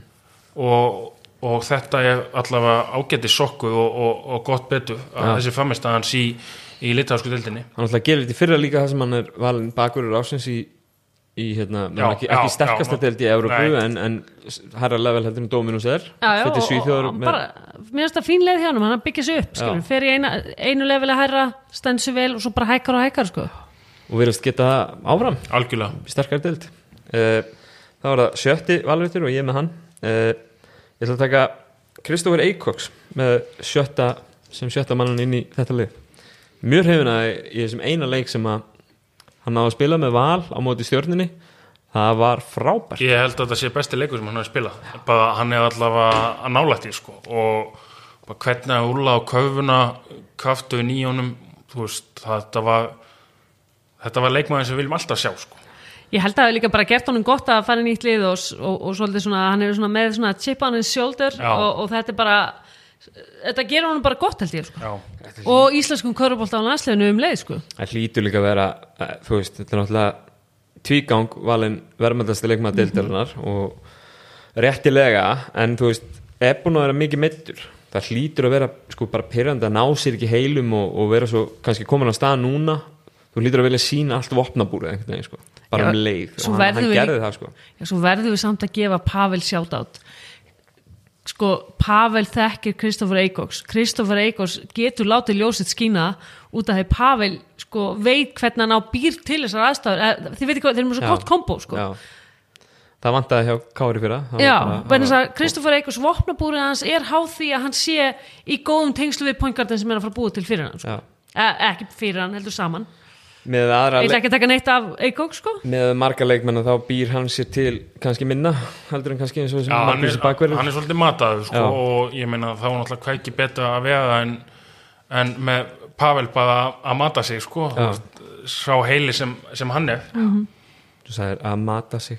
Hann var með mat á sig í fyrra. Já, ok, það. Er bara, bara gaman að þessu. Hérna, þá er það sjöndi valveitur Bryndís, þú með hann, hver er sjöndi leikmann í íslenska kallalanslinu? Ég valdi Pavel. Ég var líka með hann að það ég veit að sko Pavel er ekki verið að spila 40 mínútur en það sem hann getur gert varnarlega inn í teg og bara sóknarlega að- einmitt hitt mata leikmenn ég held bara að við þurfum þetta IQ ennþá, við erum ekki algjörlega koma með kynnslóðskiptin Nei, hann er líka ekki það gamall. Hvað er hann gamall? Hann er ekki það 87, gamall en maður tilur hann samt alltaf með 32, hann er 33 kannski 86, 87 held ég. Eitthvað slags á, líka hann, hann er gumsál Já, já. En það er, það er góð punktur hér Hann alltaf getur, hann getur dekka allan anskotan uh, öðrum einu vellunum og svo er hann náttúrulega svona einhvers konar svona kalla hann svona, þú veist, hann er ekki svo, ekki svo LeBron James en hann er samt svona, svona stærri leikstjórnandi einhvern veginn mér finnst Pavel og Helena alltaf vera bara svo svipaði leikmenn Já, einmitt Veistu, geta verið inn í teg vörnar og sóknarlega, geta tekið boltan upp mm. veist, og geggja það spila varnarlega inn í teg, taka frákastið og vera svo að leiða sem leikstjórnandi upp öllum sko. en, en eins og ég segi, sko, út af því að Pavel þarf ekki að vera, hann er bara veist, ef að við erum að velja landsliðið veist, maður er að fara að nota hann í tíu mínútur en í þessar tíu mínútur getur hann gert geggja hluti sko. Það Við erum samanlega því? Já, bara sammála. Ísak, þú er með áttunda valréttin í við erum of sammála Hvað, já, hérna, þetta er ekki hvað tekur þú? ég tek hérna höfðaksel Já, bara frábæð í rauninni sko, við erum fullt af frábæðum bakuðum og hann er einn af þeim. Mér finnst hann kannski vera svolítið upp og ofan með landsleginu en þetta er samt leikmaður sem getur spila vörn alveg á fullu uh, hann er hávaksinn þannig að hérna, maður veit, maður veit ekki alveg hvað landsliðstjálfarinn ætla að gera uh, ég býst við að þeir sé að skipta á, á allavega þessum fjóðum stöðum hérna fyrir utan tekva þannig að þetta er allavega leikmaður sem henda, henda mínumati mjög vel og skila yfirleitt, hann leggur sér alltaf fram sko. Ge- hann er alltaf, eins og segir, hann er viljur viljur varnamaður, Já. hann leggur sér mjög já, og það svona, svona, svona skína á hann að hann er stoltur af vörðunni sinni og hérna getur skipta á, á skrínum sem er mikilvægt fyrir, fyrir þetta leiði og, og getur líka alveg dottið í gang einhvern veginn sóknarlega.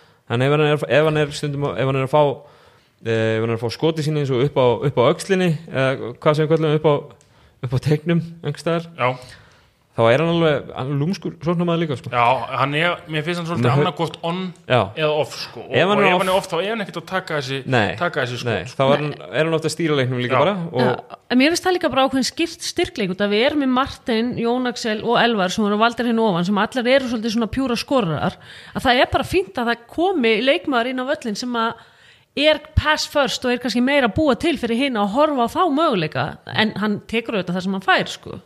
Þannig að mér finnst það búa til ákveði svona jafnvægi. Það er rétt. Uh, þá er það níundi valrétturinn. Og ég ætla með níunda valrétt að ég ætla að kalla eftir að Hlynur Bæringsson gefa, aftur kost á sér í íslenska kallalandsliði í Körubólta meðan stað flottur á síðast tíðanbili hann er alltaf mjög flottur með íslenska landsliðinu. Það er ákveðið gritt í honum, eða ekki ákveðið gritt, það er eiginlega bara mesta gritt sem við höfum séð kannski með landsliðinu í gegnum árin og hérna, ég veit ekki hvort hann, hann er hættur með landsliðinu, það er búið að gefa hann blóm og Já, svo kom hann aftur maður Já, En sko, ég er? Ég- Sko, munið það sem við varum að tala um áðan að landslið þurfti að hafa ákveði hjarta. Já, Ég held að, ég var til að sjá Hlín og Pavilana aðeins að hjálpa þessum ungustrákum að rekta þetta hugafar. Kom inn á bekknum og taka eitt, tvö hustle play negla niður tveim, þreim þristum kannski. Já, bara þegar ykkur er soft þá eru þeir fyrsti mættir og, og berja það í gang sko. Já, ég, hérna, Ég ætla að vera ósamála hérna í fyrsta skipti með kallalandslið en, ok. en ég er náttúrulega sammála öllum þessum eiginleikum og maður Bæings já, dýfka hann. En ég ætla samt að þú veist, ég held að einhvern tíma þau var að slíta slíta nafnlastengin sko og komið að því? Já, ég held það. Og sko það sem er kannski leðilt við að mótinu að slúta ég var nefnilega spenntu að sjá hvernig hlinu auði núna. Þeir nátti alls ekki góðan leik á móti val. Nei, Nei, og þetta var svona kannski fyrsti leikun þar sem að horfið á hann og hann er um smá gamall. Já, og það er svona, að manni fannst svona kannski aðeins en, en hann má endilega hérna, endilega tvoða þeim sokk uppi með. En, en hann hefur náttúrulega, geggja hjá hann hvað hann náði þessu þykjast skoti velu mm. og en það er að breytast með aldrinum Já, sko. En maður ma, ma bara svona hóði á leikin á móti val og maður fannst stjarnan ekkert sérstaklega samfæðandi og þá einmitt fannst manni hlinu sem er kannski þessi leiðtói, manni fannst hann bara svolítið svolítið og gamall fyrir þennan leik sko. Og, og hérna mér fannst þið fara illa með hann. Hann er hérna og líka bara ef að þessi gauða er ekki búin að þú veist, fá þetta í rauninni spefið frá hlinn núna þá geta menn bara glemt þessu sko þú veist, það er hérna, ég meina menn hefur búin að er punktur. menn hefur búin að vera í kringum að nöllu sjá sko, það er ekki svo, það er ekki svo Martin sé að mæta og spila sína fyrstu landsleiki eða Nei. hauku helgi þannig að hérna, þannig að það er vonandi að menn geti tekið það yfir en, en okkur vantar samt hæði þetta lið og, og hérna það er Hann spurning var bara greinilega ekki með okkur í Berlín En það er ekki Davíð það er eitthvað það er hérna, já ég, mér það er alltaf gaman að horfa alltaf skemmtilega að horfa á leiki ef að hlínur í Já, ég er liðinu, klálega sammála því sko. en, en þetta er alveg rétt Ísak sko. við, við erum bara, við erum ekki tilbúin að horfast í augu við það, við viljum alltaf hlýðin inn á sko. Já, Uh, færum okkur í tíunda valréttin uh, Bryndís, hver er nummer tíu inn í landslið? Sko, nú viðkenni ég að nú fer ég að lenda í vandræðum. Uh, sko, á hvaða tímapunkti langar mig að hendin ungum strákum sem að er að standa sig og, og mér langar að láta vaksa upp í hlutverk? Við vitum hvernig sem landsleikir eru. Þú veist, þú ert, þú ert að fara að spila á 7-8 mannum og svo eru seinustu sætin annarkvort reynsluboltar sem þú vil geta treyst á eða ungir sem þú ert að fara að ala upp í hlutverk. Uh, reyndar er nafna sem ég segi núna kannski ekki endilega það sem maður myndi kalla ungur og alibi hlutverk en ég setti Kára. Kára Jóns Voru þetta- já, en sko ég veit bara að hann á meir inni en er hann komin í sitt gamla form? Já ég held já, Ég held að sko, Kára ekki í sínu gamla formi hann er klárlega næsturinn Ég held að það sé nálægt í en það er spurning sko Haukarinn litur náttúrulega ekki vel út í fyrsta legg Mótið Þór Já, Já. og mútið Þóðhólusöfn og hérna og það er, það er bara spurning að það er búið að tala um að hann hafi gert allt til að komast út. Mm. og hann þarf þá núna í unni bara að taka þetta haukalið og lifta því hans upp. Þetta var nú ekki þetta var nú ekki sérstaklega fallegt fallegt hérna í Þóðhólusöfn og, og ef hann gefið það þá held ég að við séum svona nálgast að fá gamla káða. En hann á alltaf að vefa þann inni. Já, en sko, svo viðkynni líka, sko, ástæðan fyrir að ég segi Kári hikandi er kannski ekkit endilega út af hæfileikunum hans, heldur venna þess bara hversu marga uh, leikstjórnendur ætlum við að vera með, venna að manni langar kannski miklu frekar að geta hendin einhverju pjúra þryggjastæðskiptu, þú veist, við viljum kannski bara Sigtur Gardnar sem stendur út í hotni og er spott upp og gefið á, sko, eða eitthvað svona, þú veist, ég veit ekki, þannig að, ég held samt að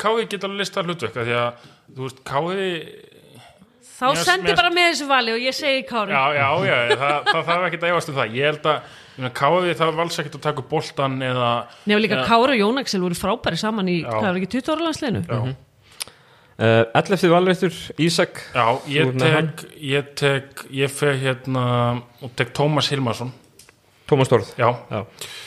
uh, ástæðan fyrir ég tek hann eða mér finnst hann kannski vera búin að taka maður held kannski að maður er staðna í stjötunni en fer út og átti að mínum að þetta frábært tímabil. Við vorum að tala um að, já, Já. í fyrra. Og við vorum að tala um að hlinu hefði átt gott. En hlinu var svolítið meittuð þá kom Tom inn og var bara geggjað og leisti sína mínútu frábælega sko. Hann fer líka, sko, það er líka með Tómas að þeir fara út, hann og Hjálmar Stefánsson Haugum er að spila í Leb Plata dildinni á Spáni sem er þriðja dildinar já, uh, með Aquiminas Carballosa ef ég mann rétt. Uh, þeir eru náttúrulega Tómas er náttúrulega að spila líka akkurat á þessum tíðanbúti margir leikminn í dómastildinni eru ekki að ná að æfa í kontakt og eitthvað svona. Þeir eru bara að æfa og spila. Þannig að það getur líka svona hjálpa til kannski. Svo finnst mér hann sko hann, var, hann er náttúrulega búin að vega svolítið lengja þáttu að vega ungu og náttúrulega kom inn í 4 plus 1 í Dominos þannig að hann, hann hefur fengið að spila og mér fannst hann alltaf svona göslaði sko sem var bara fokk sama og var, var hérna gefa mönnum kannski lúmska olbúa og svona. En er með þetta væp yfir sig ennþá en hefur bætt við sér bara tonna af hæfileikum sko. og minnst Arnar hafa gert vel að slípa þessa hæfileika hans þannig að hæfileikanum skínu í gegn þrátt, þú veist, hann er þessi göslari en samt koma Já, hæfileikanum út. algjörlega. Eh, þá erum við konum með við erum konum með 11 leikmenn í kallalandslið, það er Martin, Tryggvi, Jón Axel, Haugur Helgi Elva Már, Kristófer Eikoks Pavel Ermolinski, Hörður Axel Hlinur, Kári Jóns og núna síðast Tómas Þorur eh, 12 leikmaðurinn inn í kallalandslið er Gunnar Ólafsson á stjörnunni. Hvernig líst ykkur á það? Fika lósamála hann er ekki svona á listanum hjá mér sko. Ég bara leikmaður sem spilar þrý og dí, við erum með nóg nó mikið af leikmannum í þessu liðu sem spila allavega Já. spurning með þau en, en hérna Já, já, hann getur alveg sett uh, hérna, sett skotið. Ég held að það sé bara svona já, mér finnst hann mér finnst hann hérna þetta er enda geggjur saga sko því að hann á held ég engan yngur landsleik nei, held ég að sé alveg pottjett hann er mér finnst það geggjur saga og hann hefur hefur verið hérna í kringu landsleið en, en mér fannst auðvitað kemur inn í steft stjórnuleiði fyrir það hmm. veldur smá að er sé smá undir. Já, við verðum smá undir bara, og við höfum séð þetta áður. Ég menna hérna og það er spurning hvort hann ætla að sætta sig það á hlutverk. Ég hef viljað sjá hann bara fara annað taka stæða hlutverk af því hann er svolítið fastu í stjarnan er að spila húslega hratt hlaupa völlin og hann er svolítið að hlaupa kannski bara línu og spott upp sem að mínum að er ekkert hans endilega leiku þó hann eigi að gera það hjá stjórninni ég vil sjá hann í kannski frjálsá hlutverki við að veist, taka frákasti og fara bara alla leið sko. Dræfa Já, já, þannig að hérna en fyrir mér er hann kannski ekki leikmáðin sem við ættum að taka inn hann. Nei, ég hef líka bara svona spá í spá í formi, hann er alltaf í brjálugu formi. Já, það er enda er er rétt. Ég var svona að spá í, þú veist sko, ég ætla nú bara að 14 treysta á það að allir þessi leikmann sem við erum búin að nefna sé í formi sko. Já, já, já, ég bara, ég bara segja eitthvað sko en ekki það, Gun- Gunnar er alltaf í geggjum formi það er alveg hárið Hérna 13. valvöldu Bryndís, hver er 13. leikmann inn í íslenska? sko, núna viðkenni ég, nú er ég bara komin á listan ungir sem ég vil að fá í smjörþefin Já, og, og þar eru eiginlega tvö nöfn og ég valla get valið á milli hvort ég vil að. Já, og ég ætla að velja Sigvalda já Sigvaldi Ekkertsson Já, vegna þess að e, við erum með fullt af leikstjónundum hérna í nöfnunum á ofan og okkur vantar e, kannski framtíða leikmenn sem eru með smá hæð og ekki bara pointgardar Si- Sigvaldi er náttúrulega káringur og upplæði káringur og íringur að einhverju leiti þannig að hann fer leyti, þangað. svo út til Monbus Obradoiro og er að spila í neðdeldum með Já, og einhverjum- tók, tók hann í millitíðinu en það var eitt á fjár fjölinni í fyrsteldinni Já, og snýtti að- fyrsteldinni Já, það sem var með einhver 15-20 stíl Já, 17 stíð held ég. Já Uh, semst, ungur hvað hann ekki 2001 Nei, 2000. 2000 já, Já. Og hann er 2000. hvað, með 21 stiga meðaltali? Já.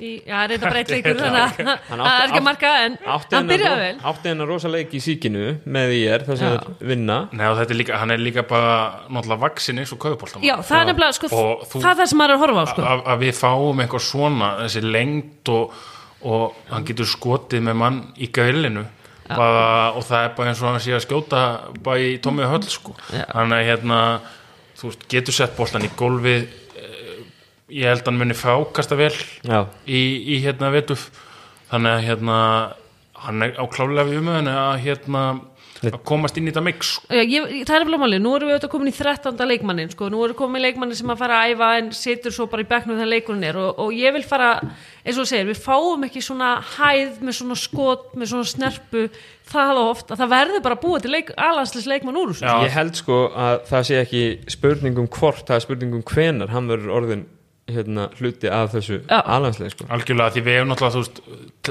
svo tökum dæmum mann sem við erum ekki búin að nefna við erum ekki búin að nefna hjálma Já, þakið að mínum mati er bara miklu hæða hjá manni eins og. Akkurat. þannig að þú veist gæi sem getur sett boltan í gólfið og, og í rauninni sem er búin að, veist, hann er búin að prófa út á þessum aldi, Já. hann er búin að prófa að bossa fyrstu deildina Já. á þessum aldi, hann er líka búin að prófa að sitja á bekknum hjá KF og svo er hann komin í hlutu ekki á í sem ég veit að stefni hátt Já. þannig að Þetta er náttúrulega sko, þetta er einn hérna, náttúrulega, ég hef síðan á Norrlandamótum með yngilagsliðum bara á síðustu árum sko. Eða svona þegar hann var þar í U16 og svo undir 18 ára liðinu.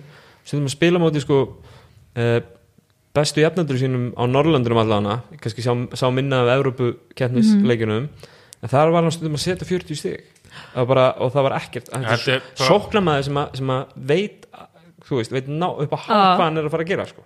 og líka mér finnst bara svo mikilvægt veist, mín skoðin er svo að í alansliði eiga sæti 10-14 annarkort að vera reynslu boltar sem koma með ákveðið svona hugafar þekking og geta fara inn á og, og gert góða hluti. Þú veist, eitthvað, sem, eitthvað svona ákveðið lím sem þú þarft í hópin eða þessi ungu efnilegu sem er að fara að taka eitthvað hlutverk ekki setja sæti 10-14 í leikmenn sem þú veit, veist að verða ekki leiki leikmenn í Sem- landslið, setja meir.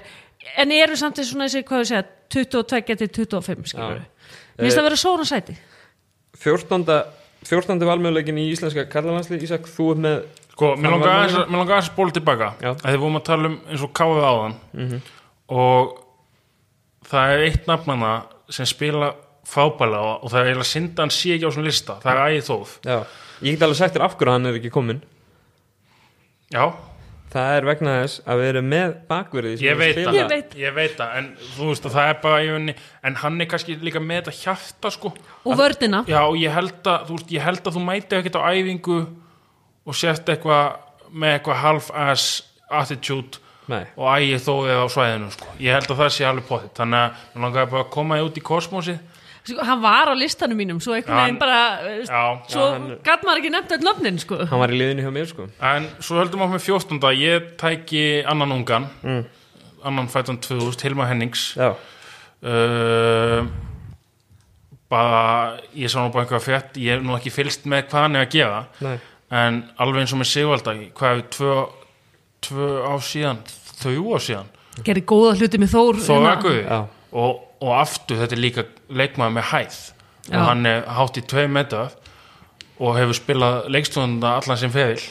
Hann er að þú veist, þetta er þú veist, þessi tvei sem við erum búin að nefna er náttúrulega leikmenn að mínum að sem við eigum að búa til. Já, leikmenn sem eru hátt í tvei metrar en geta driplað, geta skotið og eru bara pjúra skoðað og ætla sér langt. ætla sér langt. Uh, ég ætla að fara alveg hinn áttina með 15. og síðasta valvertin í íslenska landslið af því ég er hrifin að því að- að leikmenn séu íslensk aðir og þeir séu nýttir af því að það gera allar þjóðir að einhver leiti eiginlega nema það gera allar þjóðir eiginlega meir en Ísland, það ekki Jú. þá ætla ég að hafa, ætla að setja Danir og Tómas í 15. sæti inn í íslenska kallalandslið, hvernig líst okkur á það? Mér finnst það spes uh, en, en eins og ég segi maður nú kannski bara að sjá hvernig hann er á þessu tímbili mér finnst hann kannski eins og sumi og þinn gamall. Já, uh, það gefið sko. Já og svo á ég en þú veist ég veit bara ekki hvernig hann myndi fitta inn í þessa blöndu og, og hérna ég hef mestar ágjörð á því sko að hann sé ekki með chemistry með þessum leikmönnum. Nei líka hann á það til svolítið að, að hérna skjóta ljósinu úr húsinu og ekki það ef hann er 15. leikmann þá er hann svo sem ekkert að fara að spila en, en mér finnst það bara mér finnst það kannski nafn sem og hann fekk, fekk hann ekki einhverja leiki hérna? Jú. og hann og Colin fengu hann einhverja já, uh, Aðrir sem að komist ekki af sem voru samt inn í mínu liði voru, ég var með Hjálmar á í liðinu. Og svo var ég einnig með svona neðar einn ungan sem að á eftir að vera í þessu liði mjög líklega. Eiginlega bara eiginlega bara örugt, það er Július Orri hjá, hjá Þóra Akureyri Þetta var er bara svona- nákvæmlega sömu nöfnin og voru hjá mér af svona hjálmar út af því að hann hefur ákveðið element sem hægt er að nota strax og svo Július út af því að hann er framtíðin sko. Sko- í þessum stóðkostlega kaupalleik sem við hóðum á hérna fyrir COVID þá þá vakt bara komið á óvart hvað Július var rauninni bara góður og, og líka bara hann var ekki efnilegu lengur, Nei, hann var bara góður og, og hann var líka bara eins og hann væri besti leikmöðun á vellinu veist, hann var með einhvern kana þarna hliðin á sig sem gæði ekkert sérstaklega mikið og Július var bara að taka þrista hérna hægði vinstri sem hann gæði svolítið kannski í yngri flókunum Já. en mann fannst kannski minka aðeins hérna þegar leið á og hann var svolítið komin í það grúf aftur hann var bara aðalkallin á vellinu og þetta hefur hann alveg við ákveðin leiðtói þarna en þetta var bara, þú þú þurfti að horfa fimm myndu á leiknum og þú vissi að þetta var í þósliðinu er alltaf, hann er svolítið, já, það er bara, það er hárjætt, hann er að komast, hann er alltaf að verða betri og betri í þessi hluturki sínu sem, sem leitóin allan hjá þessu liði. Og hann er líka, hann er virkilega flottur hérna, hvað að segja, hann er ekki, ekki bara skorur eða leikstjórnandi, hann er með, hann er með svona heildapakka, Já. hann er góður varnamaður, þú veist, með hæð og þyngd, skilur það Já. hana. Hann er bara svona solid all-around Já, leikmaður mjög sko. solid, frákastar ágætlega fyrir góður sína að stöðu. kringu köfuna þannig að og virkar líka bara með hausinn rétt skrúaðan sko. ég held að það sé góður í hóp já. ég held að það sé bara topp eintak sko Ég held að þetta sé alveg, alveg án, án nokkuð svafa þá myndi ég segja að þeir sem eru líklegasti til þess að verða leiðtóðar í þessu liði sem í framtíðin eru, eru kannski einhverjir af þessum eða þeir eru allan líklegir Sigvaldi, Sigvaldi Hilmar og, og Júlíus Orri 18 og, eða 19 og 20 strákar, er ekki 2000 og 2001 Jú, hérna Hilma og Sigvaldi 2000 og Július 2001 2001, já. Svo náttúrulega má ekki gleyma að það hefur hérna, það er til dæmis svo þóðið í háskólaboltanum Já, hákonni í háskólaboltanum. Já, þannig að það hefur með er höfku leikmennana og, og veist, ég var meira þess að til að nefna þú veist, Stefmi Þóð Þórlarsöp Já, sem er bara, ég held að hann veði frábæð á þessu tímbili erum við þá, hann er 2000 og... hann er 2001 2001, já, já. Svo Já, það er nefnilega sko, það spila svo inn í núna að, að, það COVID kom hérna bara og það var bara eitt leikur búinn í kalladeildinni. Að verkum að maður veit ekki hver staðan er á mörgum þessum ungu leikmönnum sem maður veit að er að fara vonandi að blómstra sko. Svo er náttúrulega fleiri ef við fyrir menn þá lengur KF Já. er bara, Almar Orri sem er 15 já já, það, það er Það er- haugu þarna. Það er fullt sko- af bræðurnir frá, frá Ísafirði sem eru með og stjórnunum núna. En það sem að þessi stráka verða samt að átta sig á er það sko veist, þegar Martin, Jón Axel koma inn þá vissu þeir að Jón og Já. Logi og, og Jakob voru farin á síðari hlutan. Já, Martin, Jón Axel Haukur, Tryggi, Tryggvi, Eikoks, Elvar þetta voru svona fyrstu sex nafni sem við nefndum ef ég maður rétt uh, þeir eiga fullt eftir. Þannig að fyrir Sigvalda Hilmi, Július að fara að koma inn það er ekkert sko þeir geta ekkert beðið eftir því að þessi strákar fara að setja skónu á hilluna. Núna þeir þurfa að fara að, hvað ég segja, fara upp um ennþá meira level Já. að það verður svakaleg samkefni vonandi í framtíðinni Jó, sko. Jón Axel er mitt 24 ára í dag. Sendum hérna ammæliskveði á hann í gegnum mækin. Til lukkum en dag til lukkum daginn Jón uh, Já, en þetta er hárið eftir þetta eru, og ég meina Martin er 26 ég meina, þetta er bara forréttindi. Fyrir Já, okkur körfald áhuga fólki sko. já. Algjörlega, við hérna setjum sláum þá botnin í þessa landslýsumræð okkar hérna. Hvernig lítur þetta út næstu vikur? Erum við spennt fyrir að fara að sjá korfubólta á Íslandi? Er það að fara að gerast? get ekki beðið. Nei, bara já, bara sem fyrst sko. Það er eins og ég segi, við vorum að hérna, fullt af spurningamekki sem við vitum ekki út af, út af þessu fjáhans COVID og, og hérna þannig að það er bara spennað sko. Og, og sko, það, við vitum alveg að gæðin munu ekki vera þau bestu hérna í upphafi en akkurat núna langar bara, mig bara í körfbólta og ég treysti bara á að lýsendur og stöð 2 verði standi sér vel til þess að vega upp kannski, við erum tilbúin að taka hverju sem er.